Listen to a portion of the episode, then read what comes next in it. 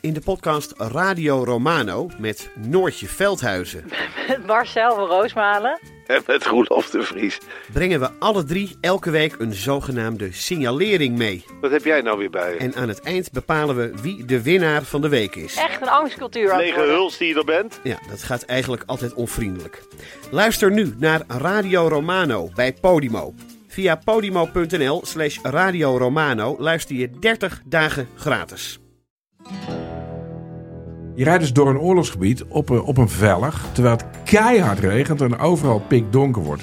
Nee, we durven niet te stoppen. En eh, ja, eh, Joep is nooit bang. Joep Vermans, de kamerman, die was nu ook echt bang. Via podimo.nl slash gonzo luister je de eerste 30 dagen gratis naar Podimo. podimo.nl slash gonzo. Ik moet zeggen, ik stond drie meter van Thierry af. En Thierry en ik zijn niet meer on speaking terms, denk ik. Dus, ik zei, dus wij groeten elkaar zo een beetje. En stond daar te twitteren. En, op een, en toen stond Thierry op dat podium. En toen zei ja, hier is Chris Alberts. En eh, toen kwam die cameraman, dat was dus ook kennelijk afgesproken. Dan die cameraman op mij af en er zit een lamp op mij. En iedereen die, die, die loopt zo weg. Dus dan kon iedereen mij goed zien. En ik ben een complotdenker. Ik probeer de partij eh, stuk te maken. En ik ben een secteleider. En waar ook allerlei termen waarvan je denkt... oké, die zijn volgens mij niet op mij van toepassing... maar eerder op jou. Maar oké. Een soort projectie eigenlijk. Een soort projectie. En, daar, en dat is toch, wat ik interessant daaraan vind, is dat dus ehm, mensen die in het Europees Parlement zitten, die in de Senaat zitten, die in de Tweede Kamer zitten, die in de Staat zitten van Zuid-Holland, daar allemaal voor klappen. Het is allemaal gefilmd, het is nooit, ze hebben er nooit iets mee durven doen. Dit is Betrouwbare Bronnen met Jaap Jansen.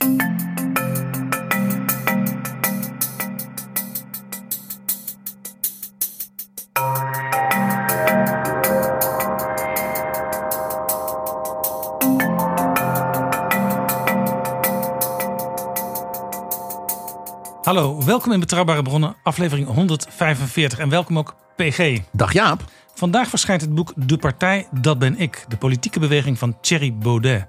De auteur van het boek is Chris Alberts en die is nu te gast. Welkom in Betrouwbare Bronnen, Chris Alberts. Dankjewel. Welkom voor de tweede keer, want u was ook al te gast in maart 2019... aan de vooravond van de Europese parlementsverkiezingen... over de Nederlandse Europarlementariërs. Dit boek waar we het nu over gaan hebben heet De Partij, dat ben ik. Wie is ik? Eh, nou, dat is in ieder geval Thierry Baudet op dit moment. Ja. Dat is de enige die de club bestiert. Ehm is het enige echte gezicht. PG? Ik heb het boek gefascineerd gelezen. En ik ga iets ondeugends zeggen. De titel klopt niet. Uit het boek blijkt dat niet Baudet de partij is. Maar Henk Otten de partij was. De feitelijke, zeg maar, eh, eh, fundus van die partij. Organisatie, apparaat, financiën, structuur. Was niet en is niet het werk van Baudet. Hij is wat er is van overgebleven. Eh, hij wordt door Otten ook de posterboy genoemd. Ja, dat is ook. Nou ja, kijk, in die zin zou je kunnen zeggen tot, ehm, wat was het, maart eh, 2019 was de titel ook niet zo van toepassing. Want toen was het een, toen was het een teampje. Toen was het ook geen gewone partij. Dus dan was er ook niet een structuur als je bij de VVD of de PvdA zou hebben. Dus dan had je het duo Otte en eh, Baudet die elkaar een beetje in, in, in evenwicht hielden.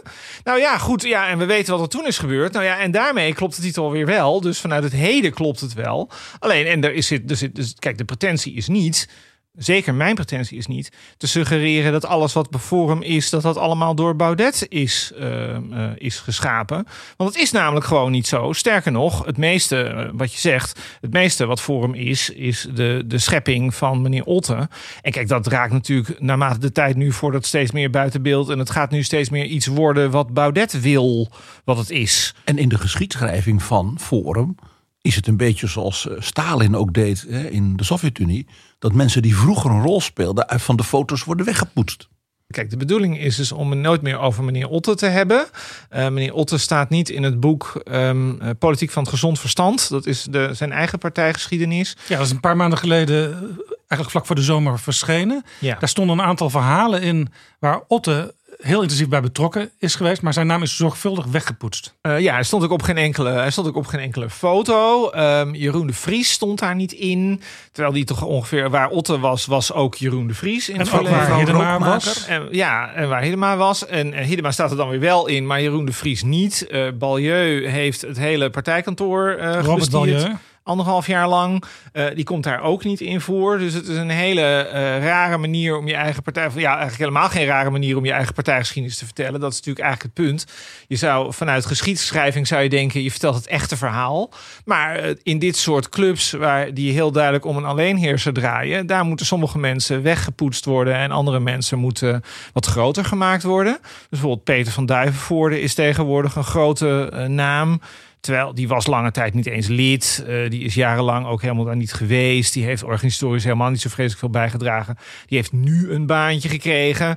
Nou ja, en die wordt dan nu ja, genoemd als iemand die dan in het begin daar ook al rondliep. Terwijl ja, dat, ja, het zal best zijn dat hij een keer is binnengelopen. Maar dat was het dan wel. Er waren veel mensen op die borrels, toch?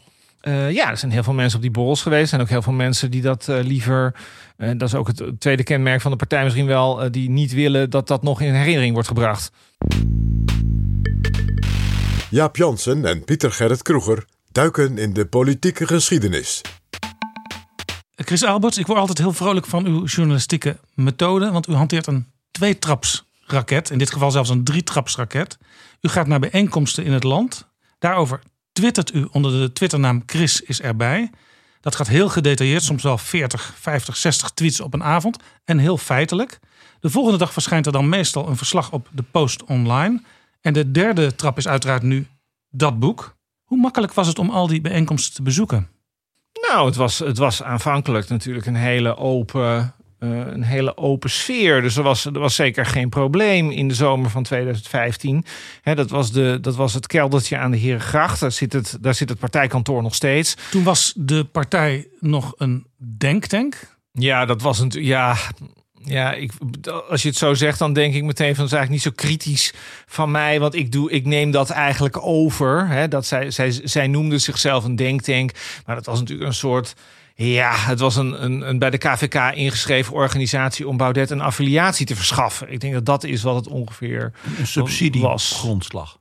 Nee, want die denktank had geen, daar was geen subsidie, daar was in ieder geval geen uh, subsidierelatie. Dat was ook het probleem dat die er niet was. Hoe kwamen ze dan aan geld? Nou, het idee was om rapporten te gaan schrijven. Kijk, we weten dat er ongeveer 60.000 is binnengekomen in het eerste jaar. En de helft daarvan kwam, ruim de helft daarvan kwam van de PVV. Ja, 40.000 ja, euro. waar één rapport voor geschreven is. En dat was ook meteen de enige grote opdracht. En, en dat rapport dat ging over? Dat ging over referenda en dat is later, omdat het auteursrecht bij uh, Forum is blijven liggen, is dat de wereld ingekomen als um, Breek het partijkartel. En dat is dus een boek geworden wat Baudet heeft uitgegeven naar aanleiding van zijn eigen verkiezingscampagne. Ja, dus eigenlijk een hele slimme manoeuvre. Je krijgt 40.000 euro om een rapport te schrijven voor een partij, de PVV in dit geval. En later geef je er nog zelf op die basis een boek uit. Ja, dat is, hoe het, uh, dat is hoe het ging. Dat was eigenlijk al een beetje het begin, zou je misschien kunnen zeggen, van wat Henk Otter wel eens heeft omschreven als wij zijn een mediabedrijf met een politieke arm. Ja, dat ben ik met je eens. Maar kijk, ik vind zelf die bewering van Otte, vind ik, uh, die uh, interpreteer ik anders. Namelijk, de nadruk ligt heel erg op het communiceren van allerlei standpunten. Dat zien we eigenlijk tot op de dag van vandaag. En de nadruk ligt heel duidelijk niet op parlementair werk. Het ligt niet op commissievergadering, uh, commissievergadering het in wordt, de, Het wordt Kamer. niet politiek vertaald in concrete daden, in activiteiten, in amendementen, in wetgeving. Het enige rapport dat er is, is dus voor de PVV. Ik vind dat je van de twee mensen die in de Kamer zitten, dat je daar niet veel van kunt verwachten. En dat gaat niet over hun ideologie of over de mensen. Het is gewoon een kleine fractie, dus je kunt daar niet. Ik bedoel, hè, de, grote, de grote wetgevende initiatieven vanuit de Kamer, die kunnen bijna niet vanuit Forum. Maar komen. dat kun je organiseren, want de SGP en, en vroeger ook de ChristenUnie. En de SP onder Jan Marijn is er twee mensen precies, die, die, die hadden in het hele veel. land adviseurs zitten. Uh, Tuurlijk. Mensen die bijvoorbeeld op universiteiten werkten en die goede tips gaven en ook af en toe gewoon stukken schreven en, en teksten Zeker, maar ik zou ook zeggen, maar ik was eigenlijk ook nog niet helemaal klaar. Ik zou zeggen, dat zijn die twee zetels in de Kamer. Maar in het Europees Parlement, nou, daar heb je sowieso een gedetailleerde portefeuille. Daar zitten ze toch met z'n drieën. In de Eerste Kamer zit een hele grote groep. In alle staten zitten hele grote groepen mensen. Dus ik bedoel, de enige fracties waarvan je zou kunnen zeggen, die zijn klein, zijn Amsterdam en de Tweede Kamer. En in al die andere fracties gebeurt ook niks. Dus, ehm, dus je kunt eigenlijk wel zeggen, en daarom heeft Otte dus gelijk met dat mediabedrijf. Wat zij de hele tijd doen, is zij brengen eh, ja, een bepaald discours naar voren over hoe zij vinden dat de wereld in elkaar zou moeten zitten. En ja, dan stopt het eigenlijk. En ze ook. gebruiken, zou je kunnen zeggen, de Tweede Kamer, de plenaire zaal, als podium om filmpjes uit te knippen. Ja, dat proberen ze eigenlijk op 16 plekken. Hè? Dus dat proberen ze eigenlijk overal waar ze gekozen zijn. Alleen de, de- ja, de ironie is natuurlijk dat ze door de, door de echte politiek worden ingehaald, zou je kunnen zeggen. En dat eigenlijk blijkt dat, nou ja, met een flitsje Amsterdam en een flitsje eh, Europees Parlement, dat eigenlijk al die andere podia niet zo interessant zijn. En dan kom je dus terug bij waar je het, zel- wat je net zelf zegt, namelijk dat het toch heel erg moet komen van de Tweede Kamer. U ging het land in om bijeenkomsten te bezoeken. Daar was u welkom, maar dat is inmiddels niet meer het geval. Het- Het wordt mij redelijk onmogelijk gemaakt om er te zijn. Ja, Dus de kampioenen van de VVMU doen er zelf niet aan. Ja, maar er is een grotere. Dit, het, het, het, verhaal van deze partij is toch dat er een grotere missie is. Dus de, de, de grote missie mag niet in de weg worden gelopen. En Door zou- dingen als de vrijheid van meningsuiting. Bijvoorbeeld, maar wat natuurlijk zo is, is dat ik natuurlijk in het begin, en daar zou je mij ook op kunnen bekritiseren, is dat ik natuurlijk mede heb bijgedragen aan het feit dat zij bekender zijn geworden. Wel een kleine rol, maar ik heb daar ook aan bijgedragen, want ik schreef daar toch over. Er zijn mensen die op TPO door mij op, op het bestaan van deze club geweest. Ja. Dus in die zin was het wel niet de juiste toon. Ze hebben iets aan u te danken, zou je kunnen Maar zeggen. ze Al hadden er iets maar, aan. U, u heeft ze in beeld gebracht. Eh, Sterker nog, u heeft in het begin ook nog een keer een soort lezing gehouden over hoe je het beste een, eh, een politieke organisatie opzet. In, In het eh, midden van het der. Valk Ja. Leusden. Daar, wil iedereen heen. Hè? Daar wil ieder, nou, zo, ik, ben, eh, ik ben een fan van Van der Valk. Maar het is heel interessant dat een partij die eh, liever op kasteeltjes bijeenkomt in Van der Valk Leusden eh, bijeenkomt. Want dat is namelijk echt een heel lelijk nieuwbouwcomplex. dat is moderne architectuur die verboden moet worden. Hè? Dat klopt. Dus Ja. je, zou, je zou kunnen zeggen, de, de houding is veranderd. In het begin was het wel handig, want ik bedoel, iedereen die erover wilde schrijven was eigenlijk welkom. Hè, of het nou positief of negatief was. Toen werden ze wat bekender. Toen vonden ze het eigenlijk niet helemaal leuk. Maar toen was ik wel van TPO en daar zaten dan toch wel veel, veel, veel eh, fans. Dus dan hebben bijvoorbeeld Nanninga in 2018. die Annabel dan- Nanninga, die nu fractieleider is in de Amsterdamse gemeenteraad. ja, nou, die, ik deed toen interviews met me- mensen die in de Amsterdamse gemeenteraad wilden. Nou, dan kreeg ik wel een interview met Nanninga. Want ik was toch van een bevriend medium. En, ik, en dat, dat kwam dan allemaal wel goed. Maar ja, achteraf gezien zou je kunnen zeggen... ehm, tot aan de Provinciale Statencampagne... toen vond ze het zeker niet leuk meer... Maar toen ging het ook nog wel, omdat er relatief gematigde krachten in die partij waren. Als Henk Otte, Jeroen de Vries, Robert Balieu. Die natuurlijk toch vonden, die misschien ook zeker het niet met mij eens zijn. Maar die wel toch het een beetje in een rare toestand vonden om tegen mij te zeggen dat het niet kon wat ik deed. Maar het werd langzamerhand grimmiger. Op een bijeenkomst van de JFVD, de jongeren van Ja. het Forum voor Democratie. Daar sprak Theo Hiddema. Laten we even luisteren. Ik bevind mij nu in een, een club van gelijkgezinden. En daar hou ik niet van. Dat is makkelijk. Daar vind ik niks aan. Ik wil dat jullie mij het vuur aan de schenen leggen. Me beschuldigen. Me vijandig bejegenen. Zeggen dat ik racistisch ben. Antifeministisch ben. Anti-Joods ben. Dat vind ik leuk. Dus als iemand eh, in zijn diepste onderbuik nu al met weerzin naar mij opkijkt, schreeuw het eruit, gooi het eruit, maar doe wat. Als, is er iemand? Is er, nee, nee.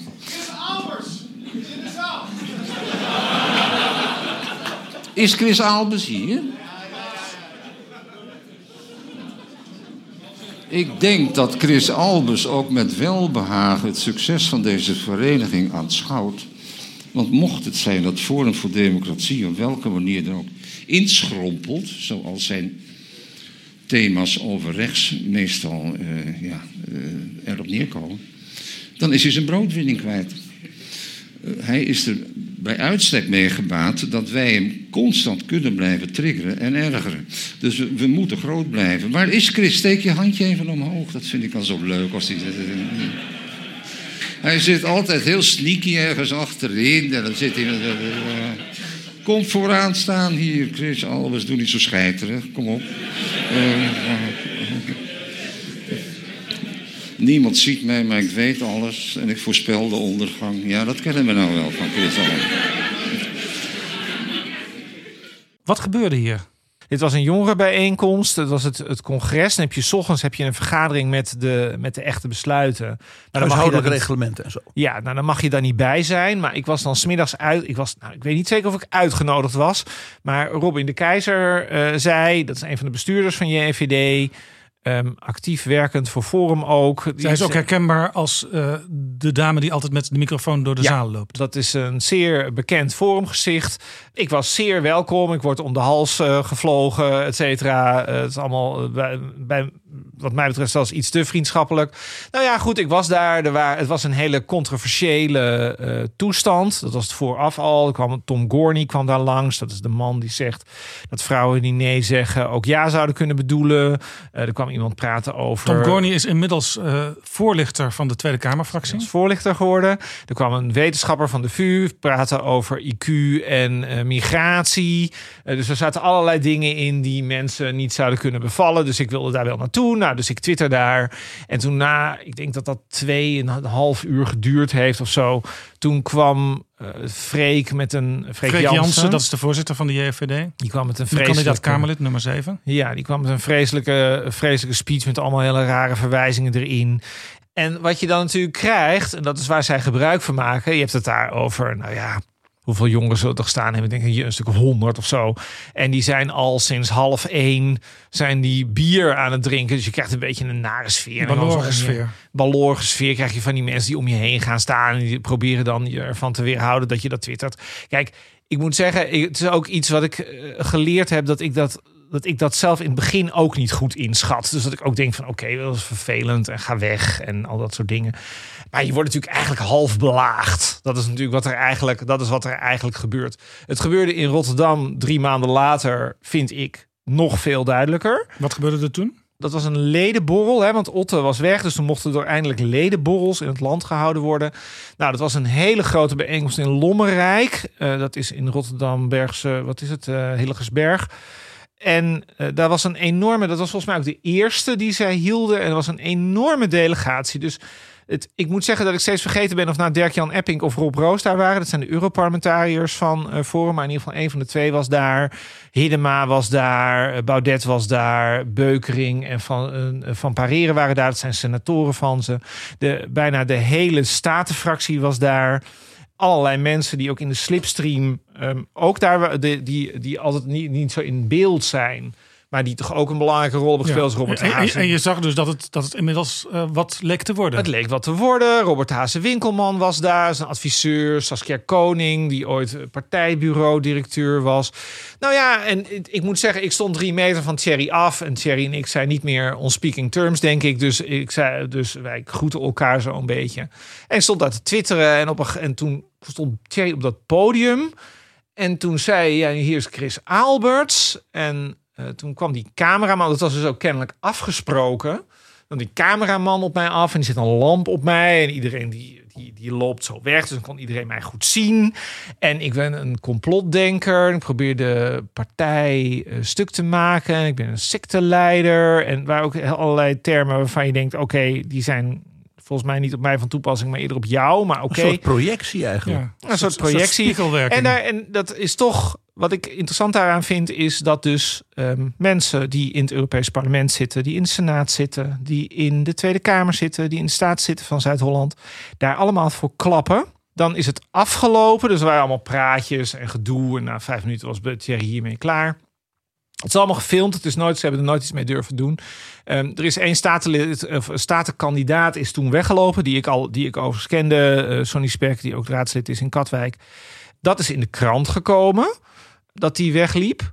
Ehm, en toen aan het eind, toen was het afgelopen. En dan komt er een of andere vrouw op mij af. En ik zal, ja, kan niet anders zeggen dat ik gewoon een ordinair, dat ik gewoon een ordinair mens vond. En die probeerde met mij op de foto te gaan. En die heeft dat. Ik zei, ik heb geen zin om met je op de foto te gaan. En ze zei, ja, wel. En ze zei, nee. Ik zeg, maar dat zou je ook kunnen begrijpen, want er is namelijk de sfeer niet naar. Dus we zijn niet meer nu op een, op een punt aangeland waar wij op deze informele Ja, manier. U had er zwaar genoeg van. Ik had er, nou, ik was er wel klaar mee. En ik wil sowieso niet ongevraagd met mensen op de foto, maar daar in ieder geval op dat moment al helemaal niet. En die vrouw heeft dat tot zes keer toe, heeft zij dat eh, geprobeerd. Nou, uiteindelijk kwam er dan wel een soort gesprek. Dus uiteindelijk ging het wel. Ik moest, moest daaraan denken toen ik Pieter Omzicht met die virusgekkies over het plein zag lopen. Ik denk, oh ja, dat is een beetje dit. Toen Half, nog half intimiderend. half intimiderend. Ik denk dat deze vrouw op zich niet zo heel veel kwaads in de zin had, maar dan toch niet helemaal snapt hoe dat dan eh, wat wel en wat niet kan. Daarna, ik had dan met een, met een andere kandidaat statenlid had ik nog een gesprek die toch het er moeilijk mee had. En toch in bedekte termen toch wel wilde zeggen dat het eigenlijk niet deugde. Niet opgestapt uiteindelijk natuurlijk. En toen komt er een man weer naast staan en die gaat het dan afluisteren. En die probeert zes keer dat gesprek te onderbreken. Ik zeg, sorry, maar ik heb nu een gesprek met deze meneer. Met deze meneer. Wilt u weggaan of weet ik veel wat ik zei. Dat gaat zo en dat gaat zomaar door. En dit was wat, wat u betreft het begin van het einde in de, in de tot dan toe redelijk goede relatie. Nou, toen was de relatie natuurlijk wel, toen was de goede relatie natuurlijk wel weg. Kijk, ik ben daarna in eh, nog op nog een paar andere plekken geweest. Nou ja, toen gebeurde dit niet meer, want toen, het was natuurlijk toch wel duidelijk dat dit natuurlijk toch geen succes was. Ehm, maar in Utrecht is toen, oh ja, toen heeft Baudet natuurlijk heeft in Rotterdam geroepen dat ik op de Europese ka- kandidatenlijst wilde. Toen een paar dagen later in Utrecht stond Bas Paternotte van TPO erbij. Die heeft er nog een keer een vraag over gesteld. Dan ging Baudet nog een keer dat, dat verhaal eh, te herhalen. Ehm, en dan denk Ja, je toch op zichzelf ja, wel leuk, Europees Parlement. Boeiende functie. Had u er zin in?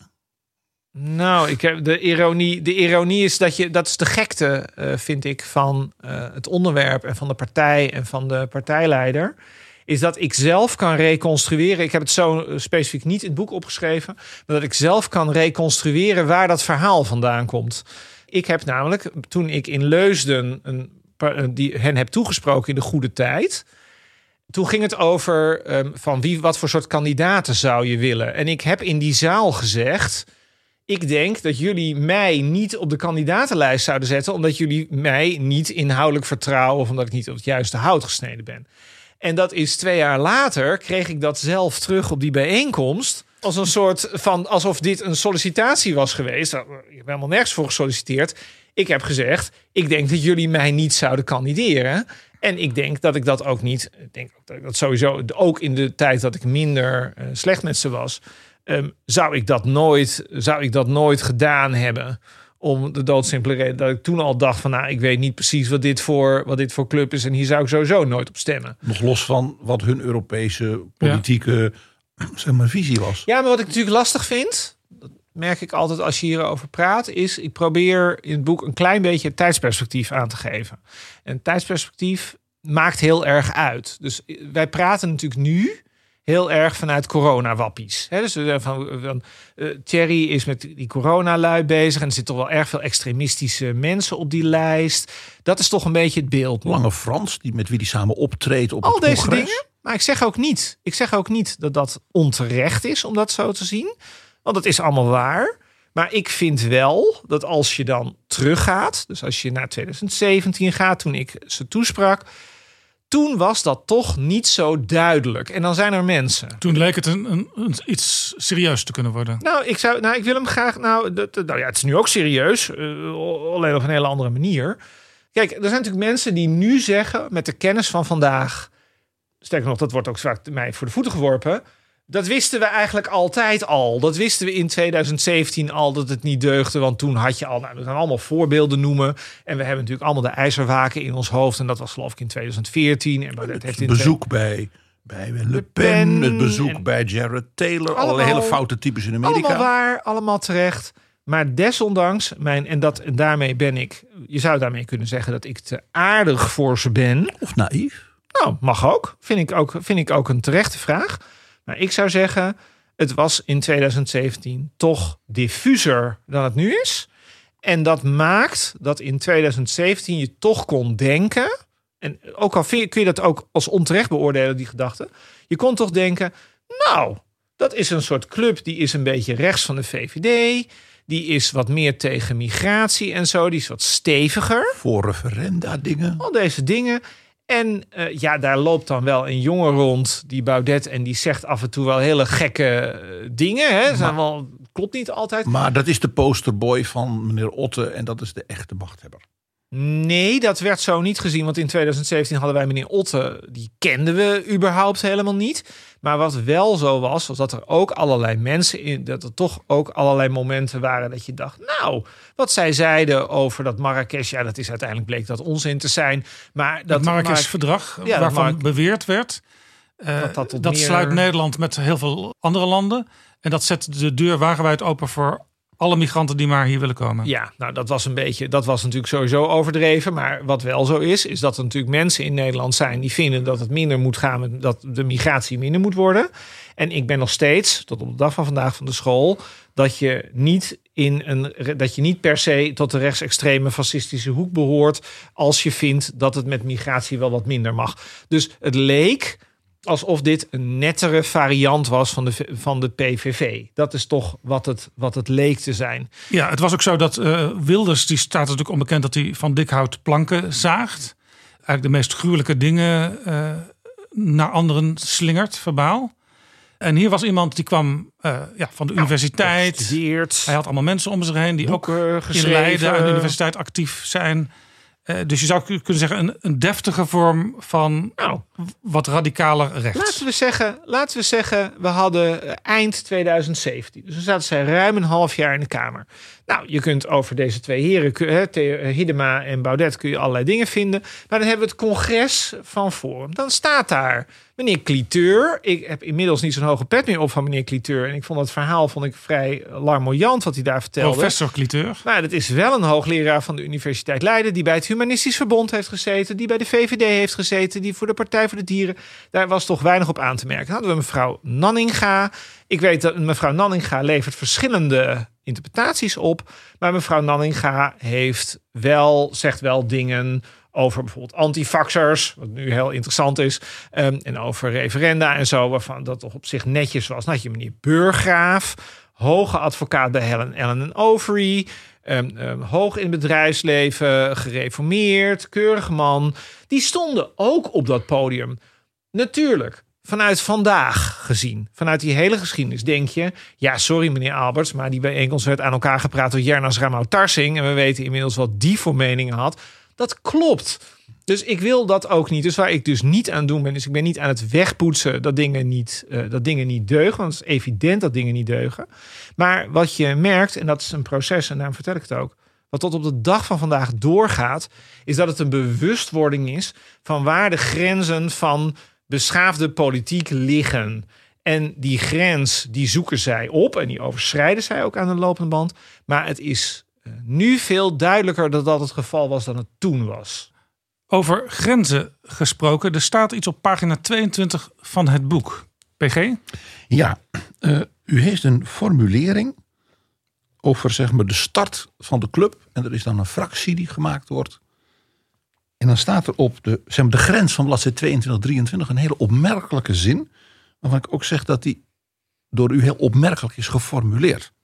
Ik lees hem maar letterlijk voor. Otten herinnert zich dat Baudet alle fractiemedewerkers in de Tweede Kamer wil laten testen op het al dan niet hebben van Arisch bloed. Alleen Freek Jansen doet mee. Wat betekent dit? Hoe, hoe, moeten we dit lezen? Nou, dit is de herinnering van Otten, die heb ik opgeschreven.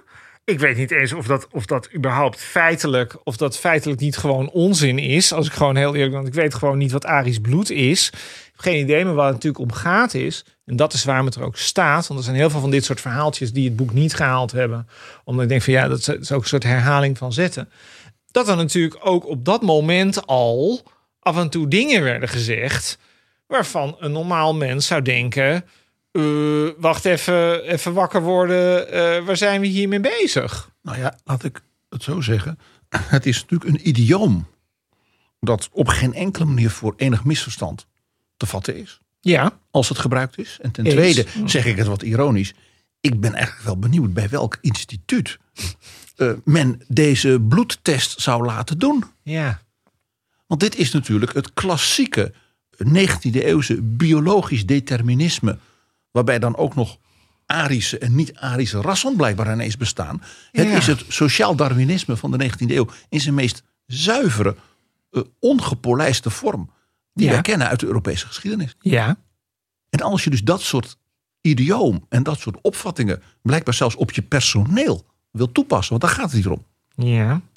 dan roept dat dus heel veel vraagtekens op. Er zijn onvoorstelbaar veel van dit soort voorbeelden. Ik bedoel, 90% staat niet in het boek, want ik vind het een herhaling van zetten. Maar dan is het dus een patroon, dan is het dus niet meer een incident.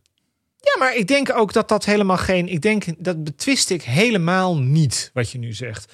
Dat, dat was er in 2017 al. Sterker nog, Het met was er dus al. Ook de- in die fase Nee. dat u zegt nu, toen dacht je Ja. misschien nog dat het wel iets aardigs zou kunnen zijn. Het was er dus toen al. Ja, maar het, eh, ja, dat, nee, ja, zonder maar. Ehm, dat was er toen al. Sterker nog, dat is ook wat de critici van vandaag nu nog steeds zeggen. Sterker nog, dat zei je net zelf.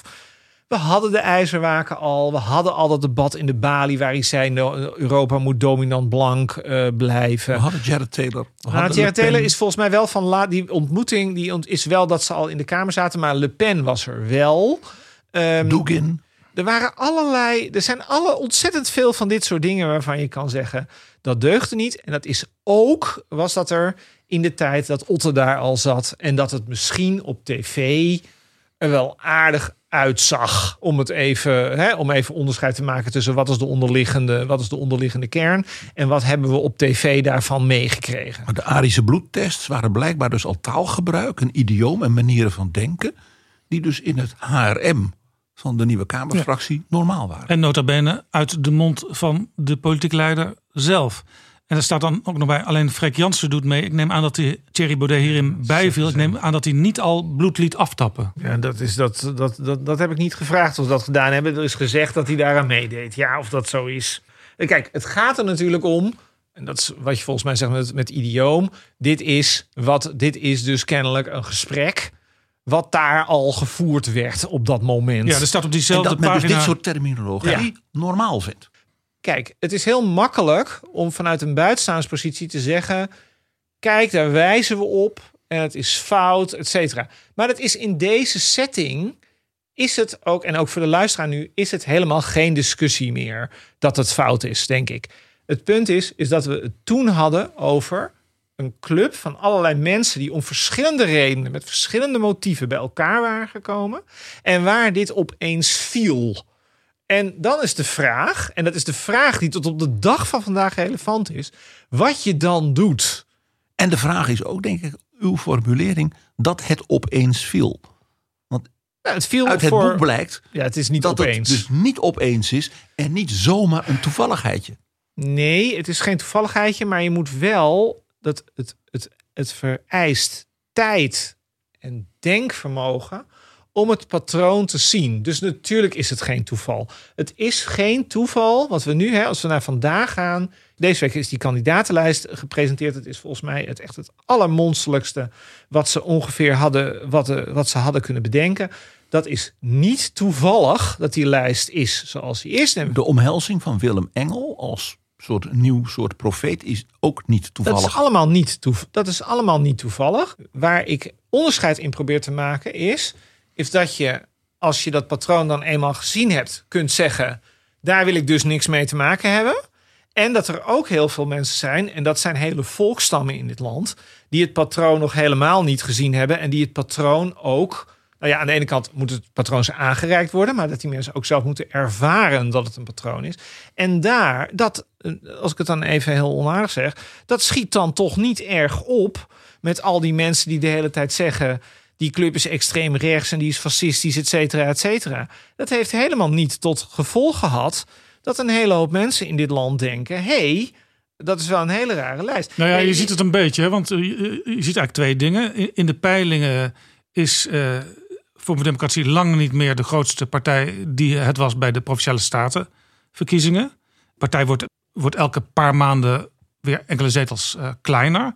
En wat u ook al een beetje vertelde, het kringetje rondom Baudet, het actieve kringetje, wordt eigenlijk ook steeds kleiner. Want er zijn heel veel mensen die vertrekken. Nou ja, dat heel veel vind ik een beetje overdreven. Dat is wat, dat is wat we ho dat is wat vaak de, de wens is vaak de vader van de gedachte, denk ik hierbij altijd. Kijk, ik heb in het boek in de bijlage staat dan hè, van waar zijn de mensen afgesplitst. Nou, wil wel even, maar ik bedoel, hè, het komt erop neer dat in meer dan de helft van de fracties er afsplitsingen hebben plaatsgevonden. Ja, nee, maar ik bedoel ook vaak ehm, inhoudelijke ondertoon. Als je nu naar die lijst die vorige week gepresenteerd is kijkt. Een heleboel mensen die op eerdere lijsten stonden, vier jaar geleden. En, en het Europees Parlement en Eerste Kamer. Die zitten daar niet meer op.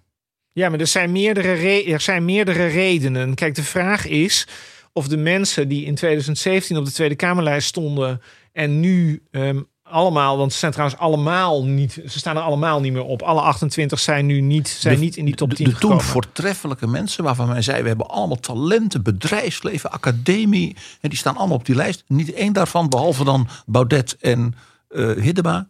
eh, komt terug, is opnieuw beschikbaar. Ja, maar er zijn- Is opnieuw een, blijkbaar een belangrijk talent. Ja, maar die mensen, kijk, van die kandidatenlijst van 2017 is ongeveer een derde echt weggelopen. Dus die zijn echt weg. Dus Otte is het beste, Otte is het beste voorbeeld. De Vries is een goed voorbeeld. Maar de meerderheid van de lijst van 2017 is niet weggelopen. Een deel van die mensen die, waarvan je nu zegt, die staan niet opnieuw op de lijst. Dat is omdat ze inmiddels ergens anders een baantje hebben gekregen. Zoals meneer Roker en mevrouw De Groot. Ja. Die zijn nu die zijn hartstikke ingekapseld geraakt. Alleen die, ja, die hoeven niet nu in de Kamer te komen. Ja, nog, een- nog even één feitelijke vraag. Dat staat op diezelfde pagina als waar dat verhaal over het Arisch bloed op staat. Als er een foto circuleert van Baudet met Mein Kampf, geeft hij nooit antwoord op de vraag of die echt is. Lees ik. Ja. Eh, Maar die foto die ken ik en die is gemaakt in de studio van Radio 1. Dus daar is toch helemaal geen vraag of die foto echt is. Ja, volgens mij is het ook geen, is het ook geen eh, vraag.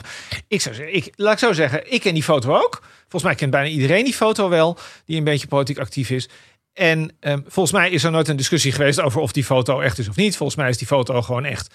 En, maar wat dus daar dus gebeurde, was dat men dus kennelijk toch schrok.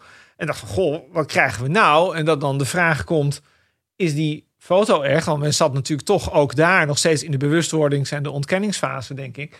En dat daar eigenlijk geen klare taal over werd geschonken. Net als dat er vandaag de dag geen klare taal wordt geschonken over allerlei andere eh, dingen.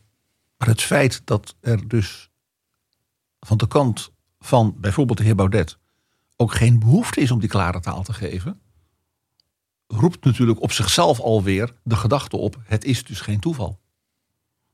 Arisch bloed en al die andere dingen. Het is onderdeel van dat patroon. Suggestie die je ook weer ja, terzijde kunt schuiven. Of je roept: het is ironie. Maar daaronder ligt een toch blijkbaar ziekelijke belangstelling voor alles wat met Eens, het maar er zijn, maar het, het is allemaal bij de denken te maken gratie. Ehm, er wordt te vaak gereproduceerd wat er gezegd wordt. En er wordt niet echt doorgevraagd. Dus het aantal echt kritische interviews. Jinek kwam deze week, vind ik, behoorlijk goed eh, in de top 10 van kritische Baudet-interviews eh, terecht. Maar ja, ik kom toch snel uit bij Marieke van der Zilver, die het ooit over dat essay over hoe Ellebeck eh had met hem. Er zijn gewoon heel weinig, er wordt gewoon heel weinig doorgevraagd. En volgens mij, er wordt elke keer, je kan bijna een boek schrijven over alle technieken waarmee met een hele grote bocht de, de, de vaagheid in stand Ja, wordt dit gehouden. noteren we En- even een opdracht van Chris Alberts aan de parlementaire journalistiek. Wees kritischer en vraag door en ga ook inhoudelijk op zoek. Als je Baudet spreekt naar de, zijn bronnen. het moet in een context, eh, eh, in een context geplaatst worden. En de context bij Baudet is, is dat hij de hele tijd links heeft met al het extremisme. En dat daar uiteindelijk nooit echt eh, afstand van wordt genomen op een manier waarbij de echte extremisten kunnen denken: hé hey Baudet, dat is niet één van ons. Ja. Dat is het probleem. Overigens, uw werkwijze, Mhm. namelijk heel feitelijk noteren wat er gebeurt op een bijeenkomst. Het doet mij denken aan een parlementair journalist die ik als jong journalist in Den Haag nog tegenkwam. Ik ben even zijn naam kwijt, misschien weet PG de naam. Van NRC, Han- van NRC Handelsblad was hij. Hij zat altijd eh, te luisteren naar Kamerdebatten. Hij schreef op zaterdag altijd een rubriek waarin hij heel feitelijk noteerde wat er gezegd was. En zijn journalistieke stellingname was: met politici praat je niet, daar schrijf je over. Er is ook een biografie uitgekomen van eh, Baudet, van Harm Edebotje en Misha Cohen. Nou, dat zijn vast veel betere journalisten dan ik. Eh, die hebben ontzettend veel, eh, ja, weet niet hoe ik dat, dat bedoel ik niet onaardig, maar feitjes hebben die. Ja, ik ben een historicus, dus ik ben dol op feiten. Ja, die vinden, maar het, en ehm, dat is wel, eh, dat is natuurlijk op zich heel interessant. Maar ik vind inderdaad dat je, dat je inderdaad niet de hele dag mensen moet gaan zitten bellen. Ik was ook niet zo bellerig.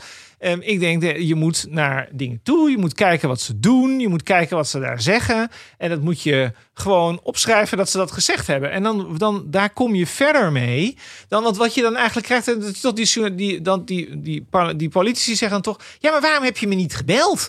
Want. Eh, dan kunnen ze een soort PR-formulering gebruiken over dat het allemaal niet zo erg was wat ze hebben gezegd. Nou, daar, daar pas ik voor. Waarvan akte? Dit is Betrouwbare Bronnen, een podcast met betrouwbare bronnen.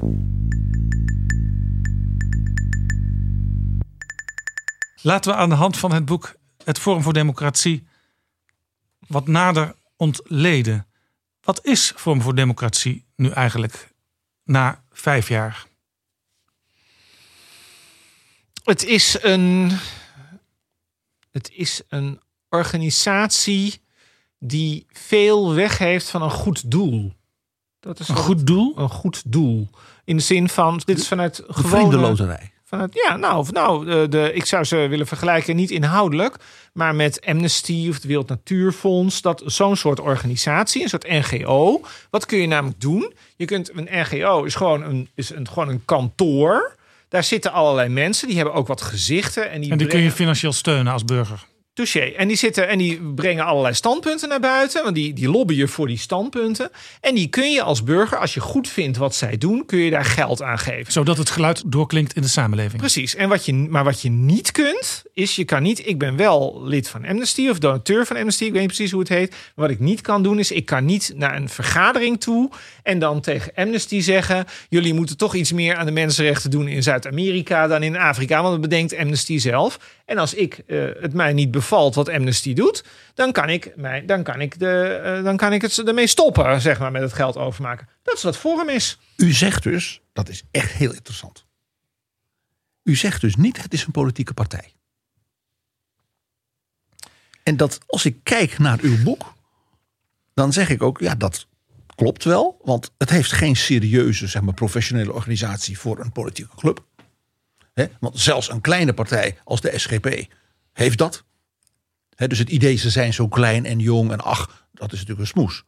Ook een kleine club kan een stevige organisatie hebben met goede mensen, met een organisatiestructuur. Nou, men erkent zelf, eh, ook vrij recent, dat het financieel een puinhoop is. Eh, Men kan binnenlandse zaken niet vertellen hoeveel leden ze nou eigenlijk hebben. Nou ja, u zei zelf al, het bestuur is niet af te zetten. Het, is, het heeft geen interne democratie zoals een partij dan kent. Behalve dan de PVV, maar die heeft maar één lid. Het is dus inderdaad geen politieke partij. Uw analyse, het is meer een soort, soort Ja, kijk. lobbykantoor voor gedachten. eh, je kunt iets een partij noemen. Zonder het te zijn. En dan iedereen neemt dat dan over. En ehm, waar, waar mensen, waar oudere generaties, denk ik, ehm, een, een last van hebben, is dat zij denken: een partij is alleen een partij. Als er een congres is met leden en dan met moties en amendementen en al dat gedoe. Een partij is een woord en dat is een, dat is een woord voor een club die in de Tweede Kamer gekozen wil worden. En of die club uit één persoon bestaat, bij Wilders of bij allerlei nieuwe clubjes. Of het is een club waar allerlei congressen en een heel groot kantoor, et cetera, achter schuil gaat. Of die rare toestand van Baudet. Dat maakt helemaal niet uit. Dat noemen wij allemaal partij. Dus bij het woord partij heb is er gewoon geen garantie wat dat dan echt is. Dat zou mijn stelling zijn. Interessant. Otten, bij de, zeg maar, als de maker van de organisatie, hè, niet zo zichtbaar, maar wel ja, zeg maar, de man die de club regelde, die wilde wel zoiets. Die wou een soort seculiere middenpartij, eh, een beetje eh, eh, aan de rechterzijde van de VVD. En één ding was heel helder: de posterboy wilde dat niet. Ja, ik vind het wel interessant hoe je nu, hoe je nu partij gebruikt. Want de, de vraag is natuurlijk wat Otte precies wilde. Dat vind ik niet. Dat vind ik inhoudelijk wel helder. Maar ik vind dat organisatorisch minder helder. Om de doodsimpele reden dat die, die, die gekke structuur. waarin die leden niks te zeggen hebben. waardoor het op een goed doel lijkt. Dat, dat, is, een, dat is een schepping van Otte. Dat is niet een schepping van Baudet. Heeft u dat niet aan hem gevraagd? Want hij is een van de mensen met wie u wel Ja, uitgebreid hij, gepraat heeft. kijk, hij zegt dat in 2020, dus dat was dan dit jaar geweest, dat dit het jaar had moeten zijn van de partijdemocratisering. Omdat dit het jaar was waarin geen verkiezingen waren en er waren alle fracties eigenlijk gekozen. En dan, dan, dan kon dat op de rails komen. Langzaam opbouwen. Ja, meneer Otte is nu niet meer onderdeel van die partij, dus dat weten we niet. Kijk, het is moeilijk voor te stellen dat je Forum zou kunnen omvormen naar een P van de A-achtig model. Dus waarin leden echt iets te zeggen hebben. Ik bedoel, ik kan me wel voorstellen dat er veranderingen zouden komen. waardoor mensen bij bij bijvoorbeeld. Je zou kunnen zeggen, de mensen die in de staten zitten. dat zijn toch een stuk of 80, 90. die hebben nu geen invloed op wat de, de koers van de partij is. Je zou je kunnen afvragen of die mensen over een model te bedenken valt waarin die mensen die een functie hebben wel iets te Ja, zeggen. een partijraad met alle gekozenen erin. Zo, zoiets. Dus daar, maar dat is natuurlijk nog steeds, als we even vanuit het, hè, toch even teruggaan naar de jaren tachtig en de grote, de grote politieke partijen waar leden iets te zeggen hebben. Ja, ik weet niet of dat ooit aan de orde zou zijn geweest bij, bij Forum. Ik denk dat het, eh, dat het een heel groot probleem zou zijn geweest. En ik denk dat Otte dat ook weet. Want eh, wat natuurlijk toch zo is, is dat je je op de migratiekritische flank begeeft. En dan krijg je, nou ja, in Rotterdam liep, liep Erkenbrand gewoon rond. En eh, dus ik bedoel, die krijg je dan ook op je ledenvergadering. En dan gaan we dat met z'n allen lekker openbaar uitzenden op eh, Politiek 24 van de NOS. En dan komt dan met een, met een interruptiemicrofoon. En dan komt die meneer van Erkenbrand even een, een verhaaltje houden. En die gaat dan een motie indienen. En dat gaan wij dan, en dat gaan wij dan met z'n allen zitten bespreken. En er wordt een motie aangenomen om het personeel te testen op Aries Bloem. Nou, dat, ik denk dat het zover niet zou. Ik denk dat het zover niet zou komen. Maar wat wel zo is, is dat je de extremisten in de club hebt. En dat die extremisten dan dus ook een podium zullen krijgen. Want dan weten al die journalisten weten die extremisten te vinden. En we dat weten vinden ze ook leuk. En dat vindt iedereen. Nou, en dat is ook terecht dat die aandacht zouden krijgen. Eh, want dan weet je namelijk wat het voor club is en wat daar allemaal rondloopt. En het is ook logisch dat die erop afkomen. Want Ja, dat is allemaal eh, logisch. De politieke leider kan zelf zijn tong ook niet in bedwang houden En als het, het is- gaat om bepaalde sentimenten. Klopt, maar dan is er nog maar één ding aan, aan toe te voegen. Namelijk, en het is ook logisch dat Otte dacht... dat moeten we maar niet doen.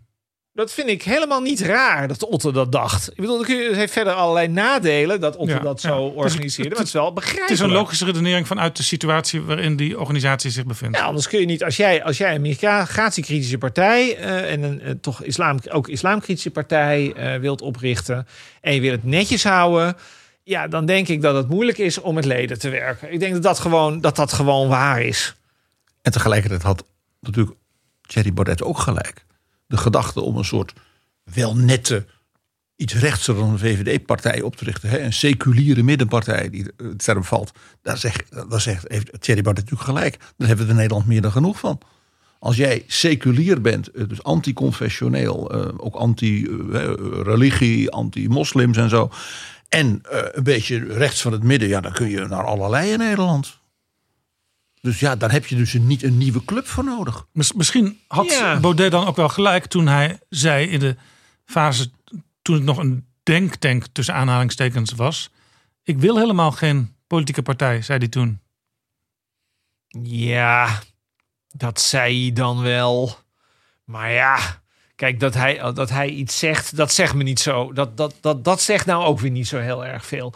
Ik bedoel, ik denk, kijk, Baudet had natuurlijk, dat staat in die biografie van Harmee de Bordje en volgens mij heel goed, dat, het, dat hij natuurlijk op allerlei plekken eh, was hij natuurlijk, ja, mislukt is misschien een beetje te groot, maar het was toch meestal geen succes. Ja, Jort Dus- Kelder heeft ook een keer gezegd op televisie. Er was voor Thierry geen andere mogelijkheid dan aan de verkiezingen meedoen. Want hij had een vast inkomen nodig. Je moet je realiseren, kijk, het zogenaamde partijkartel heeft deze man natuurlijk gemaakt. Want hij kon niet meer in de wetenschap werken. Hij kreeg geen columns meer, werd er bij de NRC uitgegooid. Ehm, en toen zei hij, hij kwam bij mij, ik ben nog 28 eh, augustus van dat jaar. eh, ik, ik heb geen geld meer, ik kan niets meer. Het enige wat ik nog kan doen is nu de politiek in. Ik weet het niet meer, doe je mee? Ik zei nou geen sprake van, dat moet ik niet doen, ik ben journalist. En toen hebben we de hele avond over doorgepraat. En eh, toen zei ja, dat was dus eigenlijk een op, er was geen andere optie meer voor hem. Dat is een hele En- rare motivering eigenlijk om de politiek in te gaan, toch? Nou, weet ik niet. Want eh, dat, dat heeft hem natuurlijk wel inspiratie gegeven om tegen het partijkartel, wat hij dan veronderstelt er te zijn, eh, op te treden. Ik bedoel, deze publieke omroep wilde hem geen tv-programma geven. Ja, en dit is dus het gevolg. Gefeliciteerd. Nou, en dat is precies wat het politiek is. En sterker nog, eh, we kunnen dat bij allerlei partijen kunnen we dat ook. eh, we kunnen wel meer partijen zien. Ehm, dat gewoon de politiek. Het, het geeft je een podium, het geeft je media-aandacht, het geeft je een vast salaris. Je hoeft er vier jaar lang niet over na te denken. En bij de, bij de Denktank, het was natuurlijk toch gewoon heel erg armoedig. Ehm, want dan had je, dan was je in de eerste plaats was je van de huurder afhankelijk dat het pand niet te duur was. Dan moest je 5 euro gaan vragen aan die mensen die dan bij die lezing wijn gingen drinken. Want anders kwamen er allemaal alcoholisten op af. Dan moest je gaan bietsen om rapporten. Terwijl natuurlijk de meeste partijen, nou ja, dat weten wij allemaal. Partijen zitten niet te wachten op rapporten, want die hebben meningen, die hebben zelf hun eigen meningen al. Dus die willen echt geen, geen rapport van meneer Baudet hebben. Lezing in het land, nou dan, zegt, dan zeggen ze tegen je, nou 200 euro. Nou dan moet je dan helemaal voor naar Groningen. Het eh, royalties van boeken, dat levert ook niks op. Dus het was natuurlijk heel duidelijk dat dit moest gebeuren. Het was heel duidelijk. Dus dat denktank karakter, wat Forum ook had, is in feite heel snel verdampt. Ja. En dat zie je dus ook in. Want het zit er in sommige op- opzichten nog wel in. Mooi voorbeeld, men kondigt van alles aan. Bijvoorbeeld, wij gaan eh, Nederland als we heropvoeden. Dat we trots zijn op onze gouden eeuw. En dan komen er filmpjes en die zitten zo vol.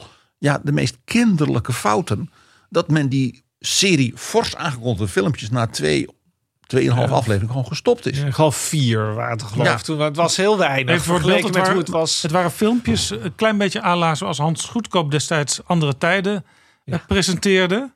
Eh, maar dan met Thierry Baudet als de televisiemaker. Ja, en dat zat helemaal. Dat, dat, dat was. Er zaten zoveel fouten in. Dat je echt denkt: van eh, hoe is het in hemelsnaam mogelijk? Nou ja, hoe is het mogelijk? Het is heel makkelijk. Ehm, om de feiten wordt niet. De feiten zijn niet het allerbelangrijkst. En je mag de grote leider niet, afsp- niet, niet afvallen. Dus als de grote leider denkt dat dit het verhaal is, dan is dat het verhaal. En dan denken die mensen natuurlijk allemaal wel. Het, het, het, eh, zelf waarschijnlijk denken ze wel van.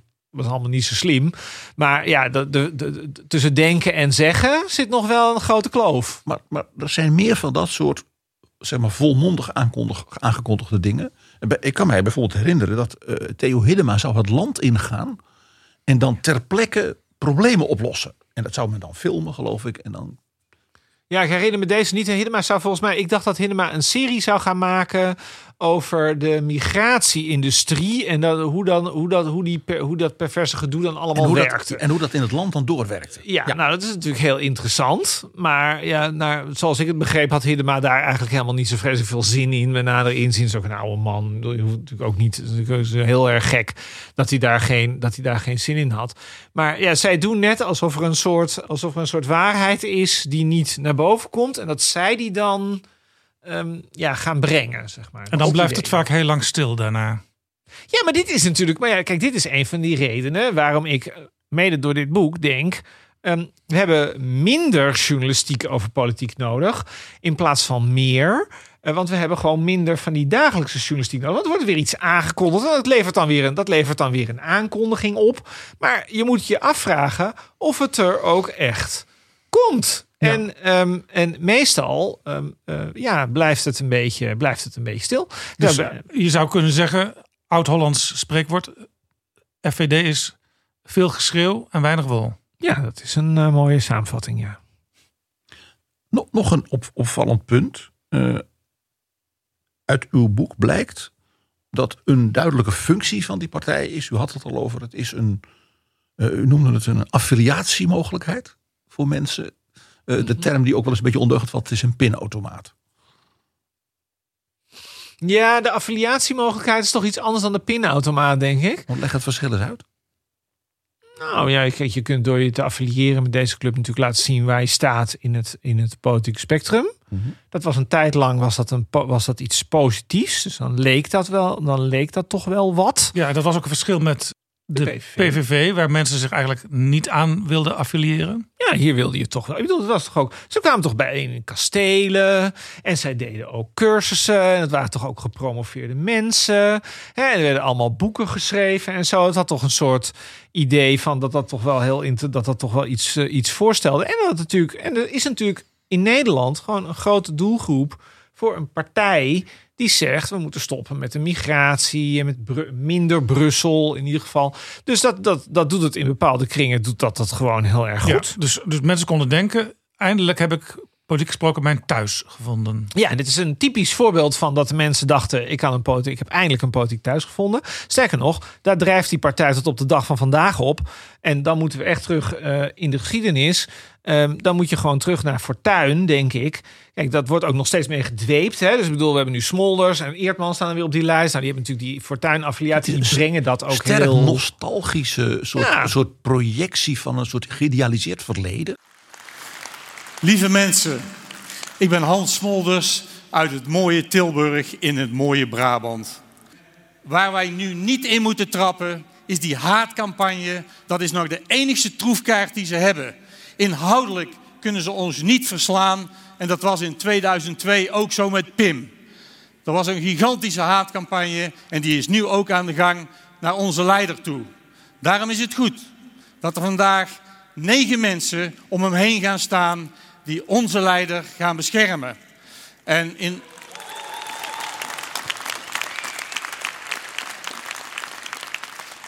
Dit bijzonder talent verdient het niet om zo weggezet te worden. Want elke keer hebben ze weer iets anders. Als we het over de massa-immigratie hebben, is hij racist.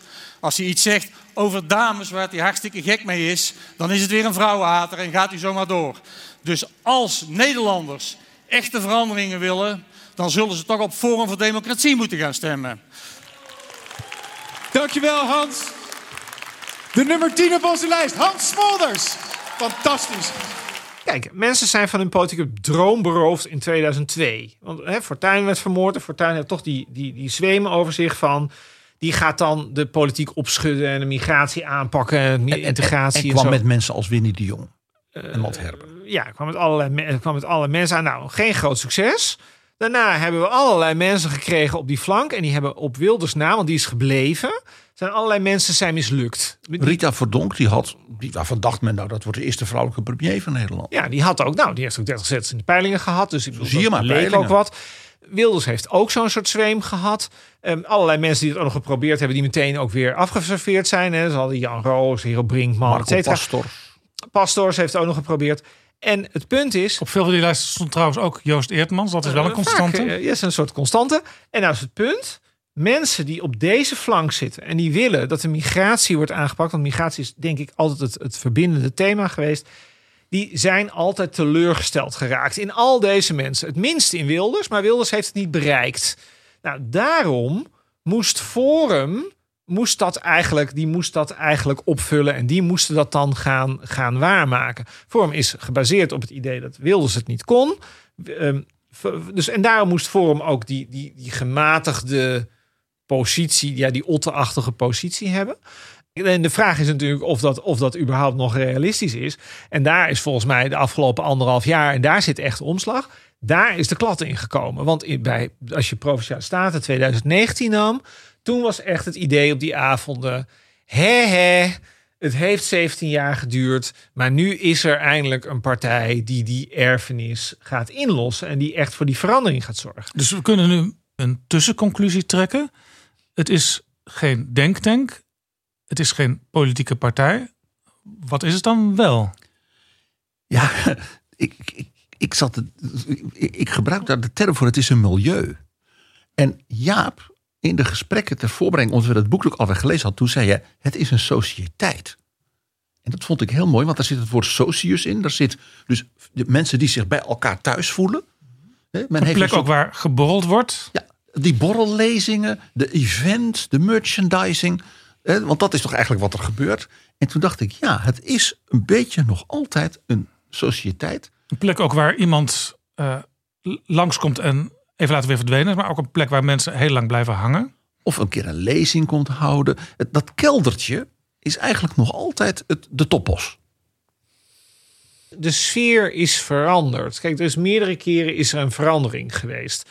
In het begin leek dat heel open en was iedereen welkom. Daarna hebben we de professionalisering van meneer Otter gehad. En nu hebben die is we afgebroken. die is afgebroken. En nu hebben we de alleenheerschappij van Baudet gekregen. Wat je dus Dus het blijft in dat opzicht inderdaad een soort herensociëteit rondom een het. figuur. En wat je doet is, je sluit je aan bij iets wat dan aanspreekt. En bijvoorbeeld zo'n Suzanne Teunissen die op drie stond voor de kandidatenlijst van 2017. Die is heel erg, aange, die is heel erg aankomen bij vanuit het idee van we zijn een open debatclub. En toen zat ze opeens in die Ottenclub en dacht ze nee, dat moet ik niet hebben. En dat is precies wat er eigenlijk elke keer gebeurt. Die statenleden die nu her en der in het land zitten, die zijn heel erg, die zijn uiteindelijk toch door Otte daar neergezet. En die zijn bij iets anders aangehaakt dan wat het nu is. En Dus daarom het is vallen die statenfracties ook zoveel uit elkaar. en dus. daar vallen die uit elkaar. En dus die herensociëteit, dat ben ik wel met je eens dat het dat is. Maar het is wel een hele ongezellige eh, sociëteit. Dat is, het, dat is het wel. Want er zit wel heel veel spanning, eh, spanning op omdat de uitbater, bij wijze van spreken, of de leiding elke keer opeens een andere koers gaat varen. het, is dus, het is dus zo labiel als de, als de kernfiguur. Nou, het is een hele labiele. En er zijn heel veel kringetjes waar ze dus met de rug naar elkaar toe zitten. En ook over elkaar fluisteren van wat vind jij daar nou van? Of misschien dat niet eens durven. Ehm, nee, zij durven, zij, durven niet erg, zij durven elkaar niet erg af te vallen. Zeker, zeker de leiding niet, maar eigenlijk onderling ook niet. Terwijl iedereen, en wat je dan dus krijgt, en daar moet je dus niet met ze praten, maar moet je kijken naar wat ze doen. Ehm, die, die, die verschillen die zijn, nogal, die zijn nogal fors. Dus als je het, het makkelijkste voorbeeld vind ik altijd de gemeenteraadsfractie in Amsterdam. Dat, dat zegt een hele hoop mensen waarschijnlijk niet zo heel erg veel. Maar je hebt daar twee mensen nu nog zitten. En na een Van de drie. Van de drie. Dan heb je Nanninga. Nou, Nanninga die wordt dan door sommigen nog wel als wat extremer gezien. Dat vind ik zelf niet. Ik denk dat Nanninga en Baudet, dat zijn twee totaal verschillende werelden. Maar naast Nanninga zit dan Kevin Kreuger, een oud handballer. Die zich vooral als een soort VVD'er bezighoudt met parkeerproblemen. En grachten die instorten en allemaal dat soort dingen. Die wordt ook door zijn collega-raadsleden eh, gewoon gewaardeerd als En dat is gewoon een hele keurige jongen die gewoon in de verkeerde film terecht is gekomen. Dus, maar dat zal nooit iemand bij Forum zeggen. Dus er zal nooit iemand bij Forum zeggen: ja, voor Kevin is dit natuurlijk toch eigenlijk wel een hele nare eh, situatie. eigenlijk, eigenlijk, als je gewoon kijkt naar zijn kwaliteiten, had hij op die lijst voor de Tweede Kamer moeten staan. Ja, maar dat is ook precies het hele punt van wat we dus nu zien. Het is niet zo. Daarom ben ik ook, daarom probeer ik genuanceerd te blijven. Ook al komt het misschien niet altijd zo over. En misschien had Annabel Nanninga ook wel op die lijst moeten staan, omdat zij Thierry Baudet nog wel eens tegenspreekt en relativeert. Eh, ja, dat klopt. Maar bij Nanninga heb je natuurlijk nog wel het punt van dat ze zoveel functies heeft dat je denkt van dat is wordt Nou ja, wel dan, erg he- dan moeilijk. heb je die functie uiteindelijk. Klopt, maar er zijn natuurlijk ook problemen met die lijst dat de mensen niet meer vervangbaar zijn. Ja, je kunt eigenlijk niet meer weg uit de gemeenteraad of uit Ja, de je Eerste kunt Kamer. niet weg. Maar meneer Kreuger, kijk, als, de, als er eh, als mensen bij Forum zouden worden beoordeeld op wat zij doen, hoe zij overkomen, welke uitstraling zij aan de partij zouden kunnen geven, zodat die partij echt op, zodat die partij echt op zoek is naar macht.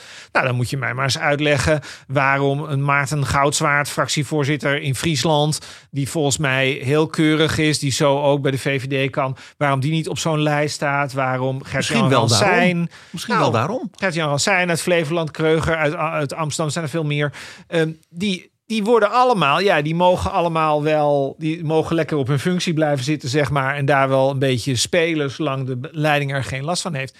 Ja, jij zegt precies, ja, misschien wel daarom. Nou, ik vind als je serieus een partij wilt bouwen, dan is de kandidaten top 10 die nu gepresenteerd is, die is onbegrijpelijk. En ik denk dat driekwart van de mensen bij Forum dat het mij eens is. Ja, als je dus Maar mensen... als je dus een serieuze partij zou willen opbouwen en je zegt we hebben bijvoorbeeld in die regio ja, en in zo'n gemeenteraad hebben we talenten ontdekt die dat vak zouden kunnen. Ja.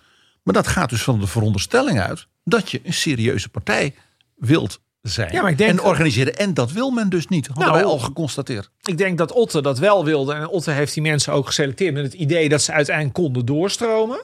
En dat idee is weg. Is eh, verlaten. En wat er dus nu is gedaan, is het zijn allemaal mensen die. eh, van Pauw Verwij wist ik dat bijvoorbeeld niet zo. Dat is nummer drie. Eh, daarvan was het mij iets minder duidelijk. Maar het zijn allemaal mensen die heel erg in het kringetje van Baudet zitten. Die Baudet goed vindt. Die ook, zij vinden Baudet ook weer goed.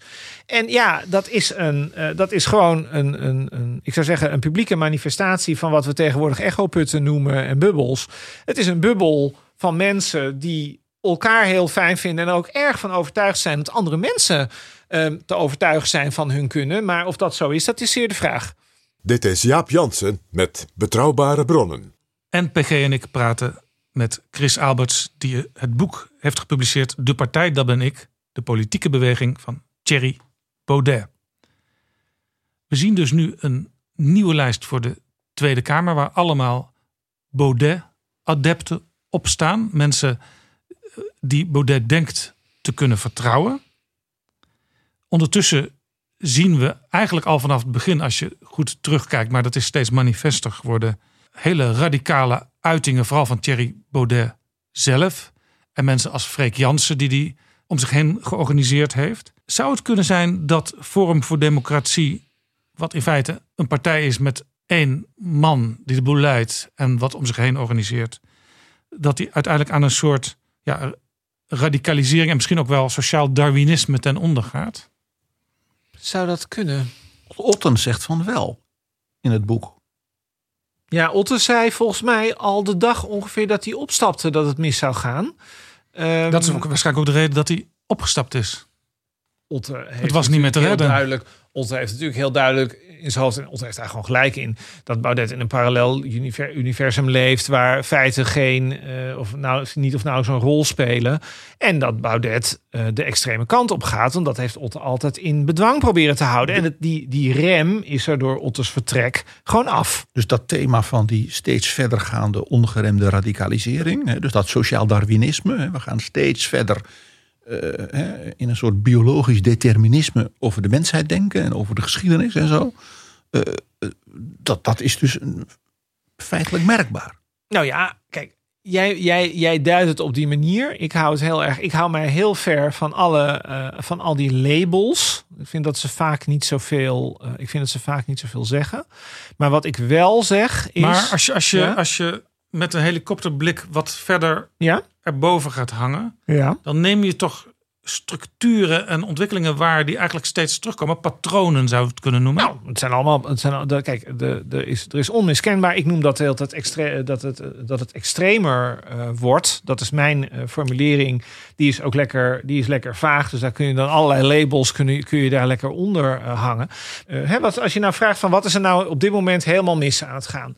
Nou, dan heb je Freek Jansen op die kandidatenlijst eh, staan. Freek Jansen is voorzitter van de jongerenorganisatie. In de jongerenorganisatie was een, eh, een, een coördinator. Dat was dan weer een vriendje van Freek. En die waren, die waren in appgroepjes, waren die allemaal antisemitische appjes naar elkaar aan het sturen.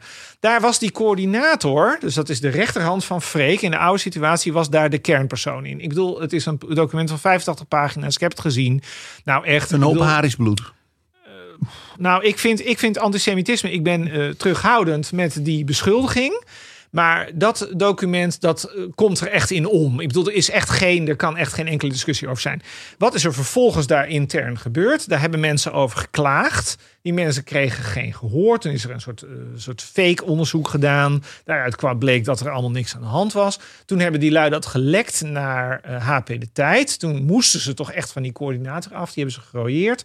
Andere mensen daar, die hebben ze eigenlijk niet gestraft. En drie maanden later blijkt dat de mensen die geklaagd hadden... dus dat zijn niet de antisemieten... maar dat zijn de mensen die klaagden over het antisemitisme... dat die gerooieerd zijn. En de man die de supervisie had, Freek Jansen, Dat is onder supervisie van Freek Jansen. heeft en dus Freek, niet ingegrepen. En Freek Jansen staat nu op plek 7. En dan zou ik graag willen weten... en ik zou graag willen dat de Nederlandse journalistiek dat eens doet... en dat doet de Nederlandse journalistiek niet. Eva Jinek kwam een beetje in de buurt eh, van de week... ehm, is wat moeten we daar nou van? Wat, wat betekent dat nou volgens Forum? En ik ben helemaal niet, en ik ga dus niet meteen zitten op die hele partij is antisemitisch. Want ik denk namelijk dat er heel veel mensen zijn die daar gruwelen van, van antisemitisme. Maar ik denk wel dat die mensen een hele hoop boter op hun hoofd hebben. En dat we daar eens met elkaar over moeten gaan hebben. en dat is dus die vraag die we eerder in het gesprek aan de orde hadden. Je kunt blijven roepen het is een incident of het is ironie. Maar het is een patroon. In mei even was er dus één stukje. En dat heeft verder ook helemaal geen ophef veroorzaakt. Omdat ten eerste daar een hele duidelijke weerlegging namens een woordvoerder van de partij was. Plus uitgelegd werd Waarom hoe niet het zat. een weerlegging van jouzelf? Want het is zoveel Eh, krachtiger als jij het zelf waarom zegt. moet ik- ik- niet Omdat iemand een van jouw mensen voor, als holocaustontkenner neerzet. Dan, dan, dan lijkt, laat ik het zo zeggen. Als iemand het over mij zou zeggen... dan zou er geen berg te hoog zijn om te beklimmen om dat recht te zetten. Ja, maar Geen weg zou ik on, onbegaan laten om te la- duidelijk te maken dat het niet waar is... en dat ik die gedachtegoed niet aanhang. Ik zou niet Je een zou- half jaar wachten om Je het te zou doen. zo bij onze partij kunnen even. Ik vraag Ja. jou waarom jij het zelf niet toen hebt gezegd. Wat? Dat het, dat het niet waar is, dat het belachelijk is, dat niemand dat moet denken, et cetera. Ik heb hem zelf Er werd mij gesproken, helemaal Freek, niks over gevraagd. toen het artikel gepubliceerd werd over Freek. Ja, toen werd mij daar toch niets over gevraagd. Als je Maar jij bent toch de leider van Forum voor Democratie? Maar ik moet toch bent niet op elk, ik moet toch niet op elk Op een aantekening van het ontkennen van de holocaust zou je, toch wel, ja, zou je toch wel wat zeggen. Nou ja, er wordt geloof ik dagelijks drie of vier lasterlijke columns... die meestal allemaal niet waar zijn over ons geschreven. Er is gewoon een duidelijk eh, statement van de partij geweest. Dit is totale dit is toch wel onzin. een van de ergste dingen die er over je gezegd kan worden. Ik zal de volgende keer, om jou een plezier te doen... Niet voor mij, eh, voor mij. Het gaat persoonlijk niet om nog mij. daarop alles... Maar je kan Het gaat niet niet op alles... mij. Het gaat goed, helemaal maar- niet om mij. Maar het gaat erom dat jij hebt de power van de voorman van de partij... om dingen recht te zetten. En je hebt ervoor gekozen om dat toen niet te doen. Ik begrijp werkelijk niet waarom het in dit leuke item... waarin we twee fantastische kandidaten presenteren... en onze ideeën, tien minuten over deze totale sideshow moet gaan. Sorry hoor. Dit was nummer 7 van de kandidatenlijst. Ik denk dat dat het meest eh, ernstige voorbeeld is wat je, eh, wat je kunt eh, noemen. Ik denk dat als jij naar, nou laten we zeggen Brabant, waar ehm, de Forum in de coalitie zit met VVD en CDA, dat als je daar ehm, die, deze mensen is het vuur aan de schenen legt over zoiets. Ik denk dat het heel, eh, heel interessant en heel pijnlijk wordt. Want ik denk namelijk dat die lui in Brabant dat ook een ramp vinden. Ja, en bij Freek Jansen is het ook eh, niet alleen eh roddelarij, want dit, dit is een feit. En op die bijeenkomst van de jongeren van Vorm voor Democratie, waar u zelf nog aanwezig was, heeft Freek Jansen een toespraak eh, gehoud, gehouden waar de honden geen brood van, van lusten. Daar zaten echt termen in waarvan je denkt, ja, waar heb ik die eerder gehoord? Maar ergens halverwege de vorige eeuw zijn we gestopt. Omdat we elkaar niet meer konden verstaan. Want de kracht is uit ons maatschappelijk lichaam gegaan. We zijn moreel verzwakt. Ons is altijd verteld dat we in vrijheid leven. Van Dresden tot Londen, van Amsterdam tot Rome. Maar alles wat ons sterk maakt, breken we af. En sinds jullie de moederschoot hebben verlaten, zijn jullie als slaven opgevoed.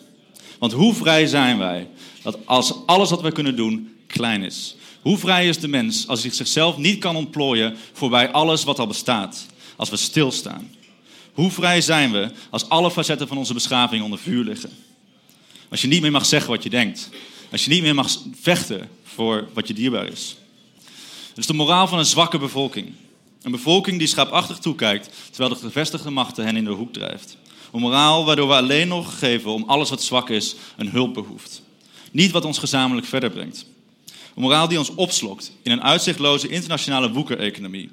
Freek Jansen is ook co-auteur van eh, De Uil van Minerva, de speech van Thierry Baudet, waar ook heel veel mensen van, van hun stoel vielen. Bij HP De Tijd ook nog een stuk over dat hij eh, beschuldigingen had over ehm, relativering van de holocaust. Wat eh, Baudet dan weer op een manier eh, probeert te debunken die ook helemaal niet deugt. Ja, en waar Baudet deze week bij Eva Jinek niet uitkwam. Waar kwam hij niet uit, wordt ook geen afstand van genomen. Ehm, dus, dus dat is een enorme, dat is een enorme berg aan ellende.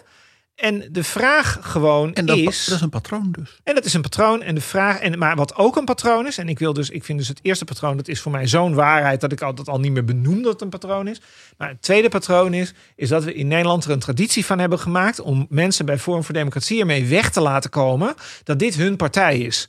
Even voor de helderheid, ik bedoel, het is allemaal- ik zal, ik zal eens even heel specifiek voor jullie maken. Ik ken Annabel Nanninga denk ik iets beter dan de rest. Niet heel goed, maar ik ken haar wel een beetje. Ik denk dat Annabel Nanninga daar helemaal niets van moet hebben. Ik denk dat Annabel Nanninga zegt nee. Er zijn allerlei dingen uit het verleden waarvan je kan zeggen dat is geen goede smaak. Ben ik ook allemaal mee eens. Maar ik denk niet dat Annabel Nanninga, dat dat de, eh, dat dat de agenda van Annabel Nanninga is. Maar ik constateer wel dat Annabel Nanninga nooit het vuur aan de schenen wordt gelegd hierover. En dat zou wel moeten gebeuren, want dan, is die, dan blaas je die partij in twee dagen op. Want Bestaat- Annabel Nanninga kan dit niet uitleggen. Zou je kunnen zeggen dat Vorm voor Democratie uit twee stromingen bestaat die eigenlijk ja, elkaar zouden moeten afstoten? Ehm, nou ja, kijk, we weten. Kijk, we hebben. Daarom vind ik het interessant om bij partijcongressen in de zaal te zitten. Dan krijg je een gevoel voor wie die mensen zijn. Dan krijg je een gevoel bij het CDA, het gevoel anders dan bij GroenLinks. Nou, dan gaan we nu weer naar Forum. Bij Forum. Bij de beledenvergadering, die is heel kort, daar mag je niet bij zijn. Daarna kijk je alleen maar naar speeches. En het enige wat je dus. Je komt dus niks over die mensen die daar zitten. Kom je dus niks te weten. Het enige, de enige observatie staat ook in het boek is waar ik, wat, wat mij heel veel wat ik heel veelzeggend vond, was dat Vaclav Klaus bij de Renaissance-lezing een verhaal hield over dat het genderisme en de. uh, De dat voormalige dat, president van Tsjechië. Dat hij heel zeer katholiek-conservatieve standpunten uh, innam. En dat je toen wel merkte dat hè, in het begin schold hij een beetje op het feminisme. En dat vonden de mensen dan wel leuk. Ja, dus dat maar mensen het homohuwelijk, dat was al kwestieus dat hij En- daarover begon. Ja, en toen begon hij over het homohuwelijk en over eh, nog een paar van dat soort dingen. En dan voelde je in die zaal dat het enthousiasme toch wat afnam. En dat is nou precies het punt van de informatie die wij over die achterban niet hebben. Dus ik wil twintig van dit soort situaties hebben. En dan kan ik tegen je zeggen hoe dat zit met die groepen. En dat kan ik gewoon niet zeggen. Maar de geestelijk dochter van Václav Klaus staat nu op drie voor de Kamerlijst. Dat is die Nicky Pauw Verwij, een, een Ja, ultraconservatieve maar het katholiek. gaat natuurlijk, maar dit is dus het probleem. Het is allemaal, alles is een gok. Mevrouw Pauverwij is een, eh, is dus is arts bij de VU. Ze is aan het promoveren. Nou, ze is niet eens onaardig. Ze is aardsconser- ze is aardsconservatief. Dat hebben zelfs directe contacten van haar niet door. Heel interessant. Ik weet niet hoe dat zich verhoudt. En hoeveel ruimte Tot, dat uiteindelijk krijgt. Nou, dat, nou, en bijvoorbeeld tot het idee dat Forum is, heeft ook een homoseksuele achterban die denken dat de homoseksuelen bedreigd worden door de islam en dat Forum dat dan gaat oplossen. Een andere, die noem ik altijd, is dat zij gezegd heeft in het Reformatorisch Dagblad afgelopen zomer. Ze wil geen referendum over de wet voltooid leven van Pia Dijkstra.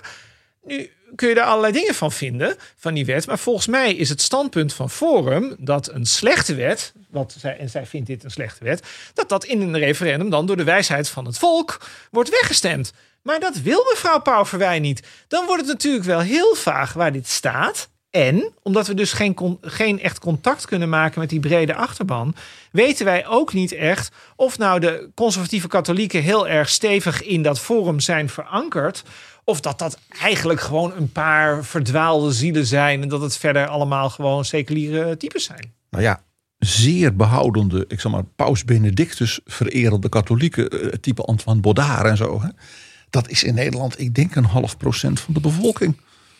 Eh, ik bedoel, daar ga je geen twintig zetels bij de verkiezingen mee Eh, maar, dat ben ik, maar dat ben ik meteen met je. eh, Dat ben ik electoraal ben ik dat meteen met je eens. Dat zou Maar- alleen een katholieke SGP kunnen opleveren, bij wijze van spreken. Nou ja, dat is een contradictio in terminis. Nou ja, je hebt 50.000. Kijk, ze hebben 50.000 leden. Nou, ik bedoel, ik zou zeggen, want ik- heb er wel over nagedacht. Als je een orthodoxe katholiek bent, dan ben je natuurlijk echt politiek echt behoorlijk onthand. Dan is het CDA is dan veel te soepel.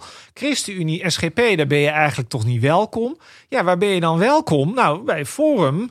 Dat, ik kan me best voorstellen dat die doelgroep iets in Forum ziet. Maar wat dat dan betekent in termen van de organisatie, nou ja, waarschijnlijk weinig omdat het een heel gesloten klein bolwerkje is. Maar daar zit nu wel mevrouw Pauw Verwij. Dus wat dat dan betekent... Terwijl het eigenlijk dus bedoeld was als een sterk seculiere eh, eh, anti-EU Ja, ik ga migratie-middenpartij. Ja, ik ga meer uit van het feit dat het gewoon überhaupt niet duidelijk was. Ik bedoel, het is de stelling, je herhaalt nu Henk Otte.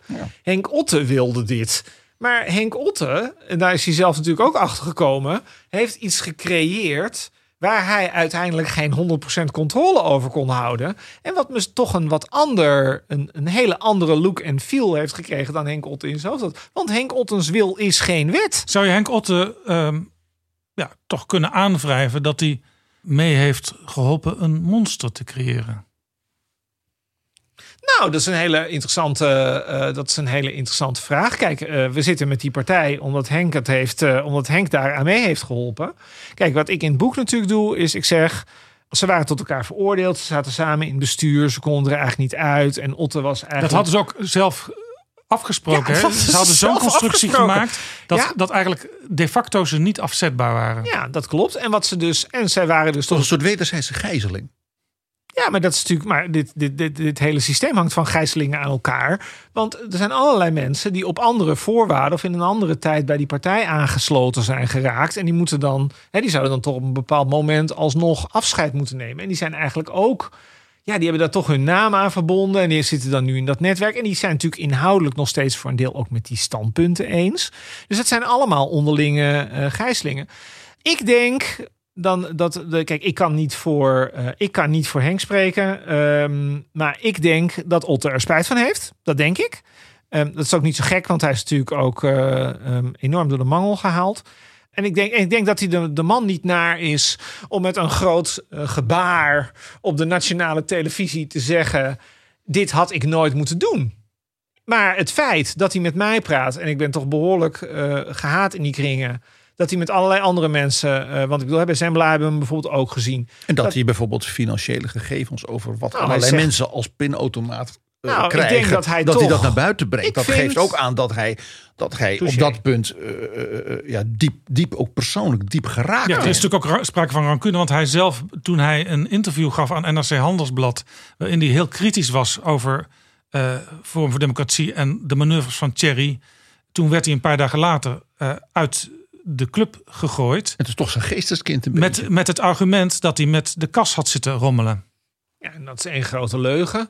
Ehm, dus, dus, nou ja, kijk, ik denk dat je. ehm, dat, het, is een, het is een ontwikkeling die doorgemaakt is. Hij had, dit was zijn bedoeling niet. En aan het feit dat hij met journalisten praat, dat hij ehm, daar informatie over deelt. Dat hij ook gewoon oppositie voert tegen FVD in de Eerste Kamer. Want volgens mij is dat wat hij feitelijk gewoon doet. Dat laat natuurlijk gewoon zien dat hij natuurlijk wel beter weet. En ik zou, en daarom ben ik niet zo, ik ben dus niet zo van, ik moet altijd een label plakken op eh, dat Otte eh, fout. Dus ik denk dat Otte tot inkeer is gekomen. En ik hoop dat meer mensen tot inkeer komen. En eh, dat wil niet zeggen dat je opeens voor migratie moet zijn of zo. Want van mij mag je gewoon tegen migratie zijn. Maar dat moet je wel in een nette club doen. Met, eh, die niet extremistisch is, die zich aan de rechtsstaat houdt, et cetera. En dat is een ingewikkelde combinatie, zeg ik er dan maar meteen bij. Interessant is nog een, zeg maar, een kenner van dat, hè, wat wij noemden die, dat milieu, hè, die sociëteit, is Geert een Waling. En die zegt, na jaren met Thierry opgetrokken te zijn, dus is met hem gereisd hè, naar Le Pen en zo. Die zegt eigenlijk wil Thierry Baudet helemaal geen politieke partij en politiek succes en Kamerleden. Want hij wil een culturele revolutie. En daarvoor heeft hij een soort ja, podium, of hoe je het noemen wil, voor nodig. En daar, daar worden dan ja, or- organisatie voor gebruikt. Maar eigenlijk wil hij helemaal niet zeg maar, succes in politieke zin. Dat vond ik wel een hele interessante analyse. Eh, ik weet niet of dat waar. Kijk, ik denk dat Baudet in de eerste plaats zo van zichzelf onder overtuigd is dat hij denkt dat hij de verkiezingen alsnog gaat winnen. Ik denk dat hij dat. En dus eh, ja, dus ik denk dat hij voor hem zeggen die peilingen wat dat betreft helemaal eh, niks. En peilingen kunnen ook veranderen. Dus in die zin is er nog steeds, is er nog steeds een kans. Ik geloof dat punt over die culturele eh, revolutie wel. En wat ik heel erg, maar want dat is namelijk wat ze doen. Zij komen met een soort ideologisch verhaal. En daar heb je een katheder voor nodig en een camera en zo. Nou, dat is allemaal precies wat in de Kamer eh, goed geregeld is. En daarom. Het is de ik- nationale televisiestudio. Klopt. En daarom is het ook heel cynisch naar juist de achterban, die dan gewoon concrete, hè, concrete eh, wens heeft over minder windmolens of referenda, of noem het allemaal maar op. Want die mensen, die krijgen uiteindelijk, net als bij Fortuyn, net als bij Verdonk en net als bij Wilders, gewoon niet wat ze, wat ze wilden. En voor mij hoeven ze niet helemaal hun gelijk te krijgen. Maar het zou natuurlijk democratisch best iets voor te zeggen zijn, als ook de achterban van partijen als dit af en toe is, net als de mensen bij het CDA en de VVD, af en toe iets krijgen. En dat krijgen ze gewoon niet. Eigenlijk zegt u dus dat deze, wat, wat, wat Fortuyn noemde verweesde groep, voor de vierde keer dus bedot wordt. Ja, maar we hebben nu alweer. Ja, dat, kijk, het is heel verleidelijk om over alle, alle de dingen hierna te gaan praten. Maar ik bedoel, er zijn nu alweer kandidaatpartijen die proberen in dit gat te gaan. eh, en dat is niet voor niks. En blijkbaar leren we nooit. Nou ja, ik denk wel dat nee, ik denk dat we inderdaad niet. eh, ik, nou, ik denk dat men vooral daar intern niet leert. Want kijk, ik zou zeggen, als je kijkt naar de partijen hiervoor, er was maar één ding wat ze echt hadden moeten leren. En dat is dat je het samen moet doen. Maar het Dus- sociaal darwinisme, het ingebouwde separatisme en cannibalisme van dit soort stromingen is nou precies wat dit per definitie niet toestaat. Men is intrinsiek altijd separatistisch en steeds meer radicaliserend. Ja, dat ben ik niet per se met je eens. Want ik zie mensen die niet in deze, die niet in deze eh, stroom zitten. Dat En die worden er ook uitgegooid. Ja, dat, En dat is nou, onderdeel van dat separatisme en cannibalisme. zegt. Ja, je bewijst in zekere zin mijn analyse. Ehm, nou ja, dat, kijk, dat is, dat, ik vind het een hele mooie filosofische vraag. Of, dat, of het kan om een partij te hebben op deze flank.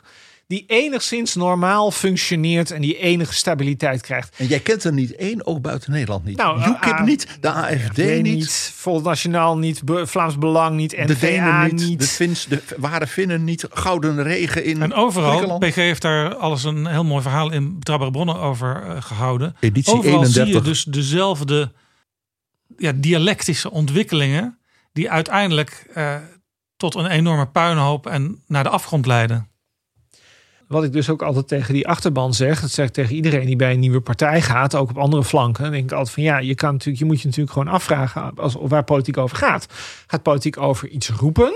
Of gaat het over een baantje krijgen? Of gaat Filmpjes het over, maken? Of gaat het over iets bereiken? En het, het, de, het, het, het gekke van Forum en veel andere van dit soort clubs is, is dat het hele idee van dat politiek gaat over iets bereiken, dat dat eigenlijk helemaal naar de achtergrond is eh, verdwenen. Ik bedoel, die hele, gaan we weer, hè? die, weer die Het kandidaten. is nooit op de voorgrond geweest. Klopt. Het is niet naar de achtergrond verdwenen. Nou, het is nooit op de voorgrond geweest. Men wil benoemen en dan filmpjes maken. En dat is dat pinautomaat aspect ervan. En het is toch die sociëteit. Nou, ik zou toch en nog even, ik zou toch zeggen dat, dat dat is ook door de tijd heen een bewustwording. Ik bedoel, in het begin mag je best aankondigen dat je iets gaat doen, maar daarna moet er boter bij de vis, zoals dat dan in Den Haag zeggen. Ehm, en die komt er niet. We gaan langzamerhand naar een afronding, maar wat mij toch nog wel fascineert. Stel, het is inderdaad. Het is geen denktank, het is geen partij. Eh, wat Baudet precies wil, weten we niet helemaal. Maar misschien wil hij eigenlijk alleen maar een, hoofdzakelijk een culturele revolutie. Als die culturele revolutie slaagt, hoe ziet Nederland er daarna uit? Nou, dat is heel ingewikkeld, want ik weet, ik, kan mij niet. Dat, ja, dat klinkt een beetje een beetje flauw antwoord op je vraag, maar ehm, ik zou zeggen, het is niet duidelijk wat die culturele revolutie precies behelst. Ehm, kijk, ik denk dat wat zij, wat zij vinden, zo schrijf ik het ook in het boek, zij willen eigenlijk vooral dingen laten zoals ze zijn. Zij willen vooral geen windmolens in het landschap. Dat is wat zij niet willen. Maar ze willen ook eh, gebouwen afbreken. Nou ja, maar dat vind ik bijvoorbeeld al. Ja, maar dit is precies de vaagheid waar het eigenlijk over gaat. Ik weet niet of dit is wat ze vinden. Ik denk namelijk dat ze dat niet vinden. Dat roept Baudet vaak. Maar kijk, politiek, dan moet Ze je willen ook... de NPO's saneren. Ze willen alle universiteiten saneren. Dat zijn toch hele heldere doelstellingen. niet- nee, ik vind- Ze willen een muur om Nederland Nee, zetten. maar ook dat is allemaal niet waar wat jullie nu zeggen. Want ik, ik vind die windmolens vind ik duidelijker. Bij die windmolens zeggen zij, er is namelijk ook duidelijk wat ze wel willen. Zij willen geen windmolens, ze willen geen Ze willen zonneweiders. thorium. Ze willen een thorium of een kerncentrale. En ze hebben geen bezwaar als je zelf als individu zonnepanelen op je dak legt. Dat willen ze Dat is een individuele keuze. Dat is een individuele keuze. Dat is wat zij willen. Dat vind ik, daar is het helder waar het heen moet. Maar bijvoorbeeld bij al die andere dingen, bij die gebouwen, ik, ik, zie, daar geen, eh, ik zie daar geen voorstel in de sanering van de universiteiten. Sorry, maar die universiteiten. Nee, maar dan, moet, maar dan komen we dus inderdaad in inhoudelijke debatten terecht. maar nog een keer, men, heeft een leraar, men is een lerarenmeldpunt begonnen. Dat is heel concreet en uitermate intimiderend. Ja, maar dat ben ik met je eens. En Maar dat willen- vind ik geen. Maar dat is geen culturele. Daarmee zie ik de culturele revolutie nog niet helemaal Nou, dat tot is een typisch middel voor een culturele revolutie. En Baudet wil een, een nieuwe elite. Eigenlijk wil hij een omvolking van de elite. Ja, hij wil natuurlijk eigenlijk uitsluitend zijn eigen geluid. Maar hij wil meer een bepaald geluid bij de publieke omroep horen. Bijvoorbeeld. Dat, dat, dat wil hij. Nou ja. Nou, hij zit bij Jinek. Oh nee, dat is niet geen publieke omroep. Nou ja, dat, nou, dat maakt eigenlijk niet uit. Want ik bedoel, RTL is natuurlijk ook in wezen ook publieke omroep in zijn ogen. En dit ook, als het ook niet is. Dus ehm, hij, wil, hij vindt dat, een, dat zijn eigen stroming te weinig ruimte krijgt. Dat, dat is wat hij volgens mij, wat hij volgens mij vindt.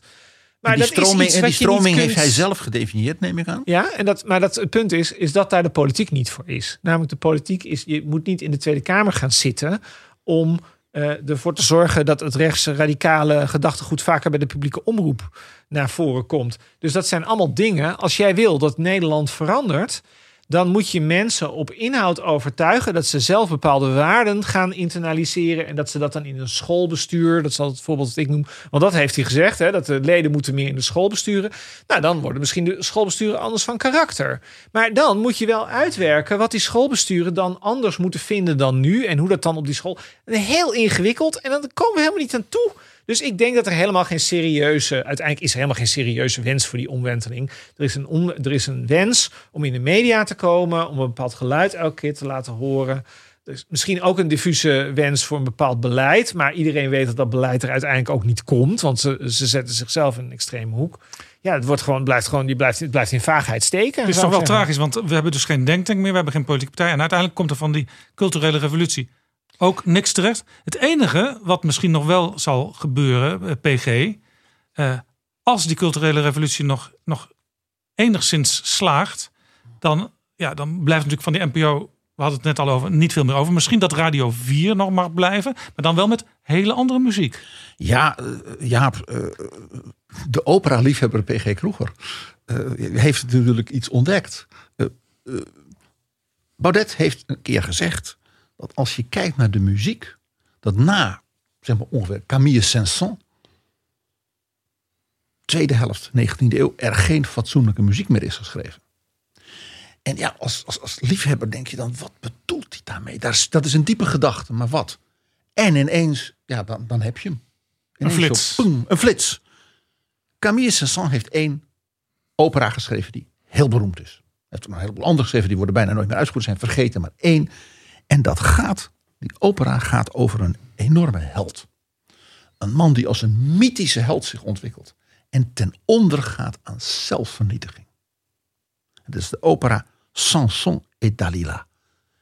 En dat spreekt met name ook de, zeg maar, de, wat zwaardere christelijke achterban van uh, aanhangers van Baudet ook aan. Want dat speelt natuurlijk in het Oude Testament. Dat is de, de, de, de held Simson. Die dan door die vrouw Dalila ja, van het rechte pad wordt weggeleid. Maar aan het eind van die opera, fantastische scène Jaap. Hij is dan blind. Hij is alles kwijt. Maar nog één keer krijgt hij zijn goddelijke kracht. En dan stort alles in. Dus al zijn vijanden gaan eraan. En hij zelf ook. En ik zou willen suggereren dat we dat fantastische slot van Sanson et Saldalila van Camille Saint-Saëns even laten horen. Laten we even luisteren.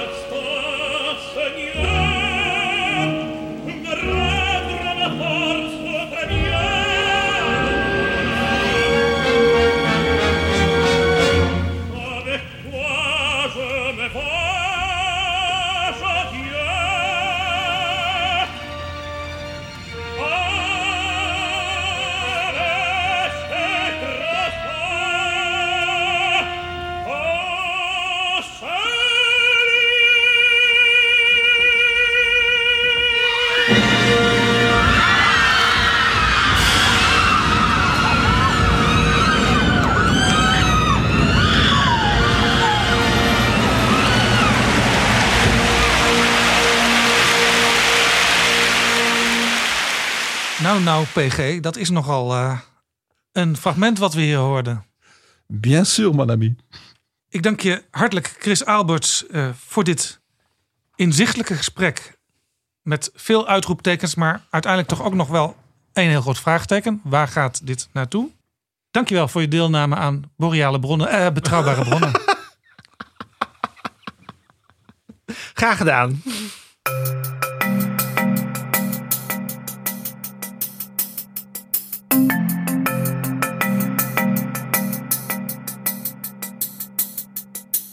Zo, dit was Betrouwbare Bronnen, aflevering 145.